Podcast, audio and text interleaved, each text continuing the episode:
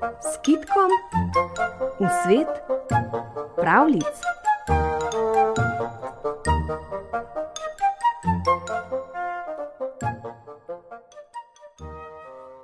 V starih časih so imeli vsi zajci zgornjo ustnico zraščeno, bojazljivci pa so bili prav takšni, kot so še dan današnji.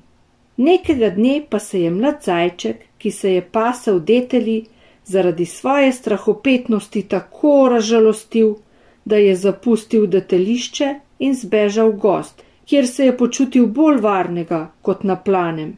Na hrastovi veji je čepela sraka. Videla je zajčka, kako se je potoglavo vlekel skozi hosto, pa je zavreščala. Hej, zajček, kam pa tako žalostno? Kam? Zajček je z britkim glasom odgovoril: Ah, naveličal sem se že večnega strahu pred človekom in drugimi živalmi. Vsi me preganjajo in mi strežejo po življenju. Kaj moram za to, če se vsakega šuma ustrašim, da pokažem podplate vsaki živali, če tudi je manjša kot jaz, in če človeka ne smem niti videti, ker mi ob pogledu nanj skoči srce v podplate. Kam pa greš? ga je vprašala sraka. Kam neki, bežim pred strahom, bežim konor. Pa kam bežiš, ubogi norček? K stari bukvi, ki raste sredi gozda. Kaj boš pa počel pri bukvi? Tam ni pa še zate. Od žalosti bom poginil, je zaihtel zajček. Ti si pa res bedaček, je vrščala sraka. Pa slušaj moj nasvet. Naučila te bom, kaj moraš storiti, da se bodo vsaj živali tudi tebe bale, če že človeka ne moreš prestrašiti, da bi zbežal pred teboj. Zajček je obstal, se usedel, napravil zajčka, poslušno dvignil po konci dolga ušesa in zajeclal. No, no, pa mi povej, kaj naj storim, da se znebim strahu. Sraka ga je poučila.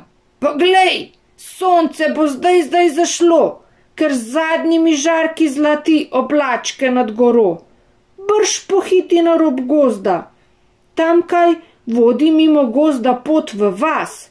Skri se za grm in ko bo ob prvem mraku pastir gnal ovce v vaško stajo in ko bodo očice drobencljale mimo grma, iznenada skoči mednje, pa boš videl, kaj se bo zgodilo.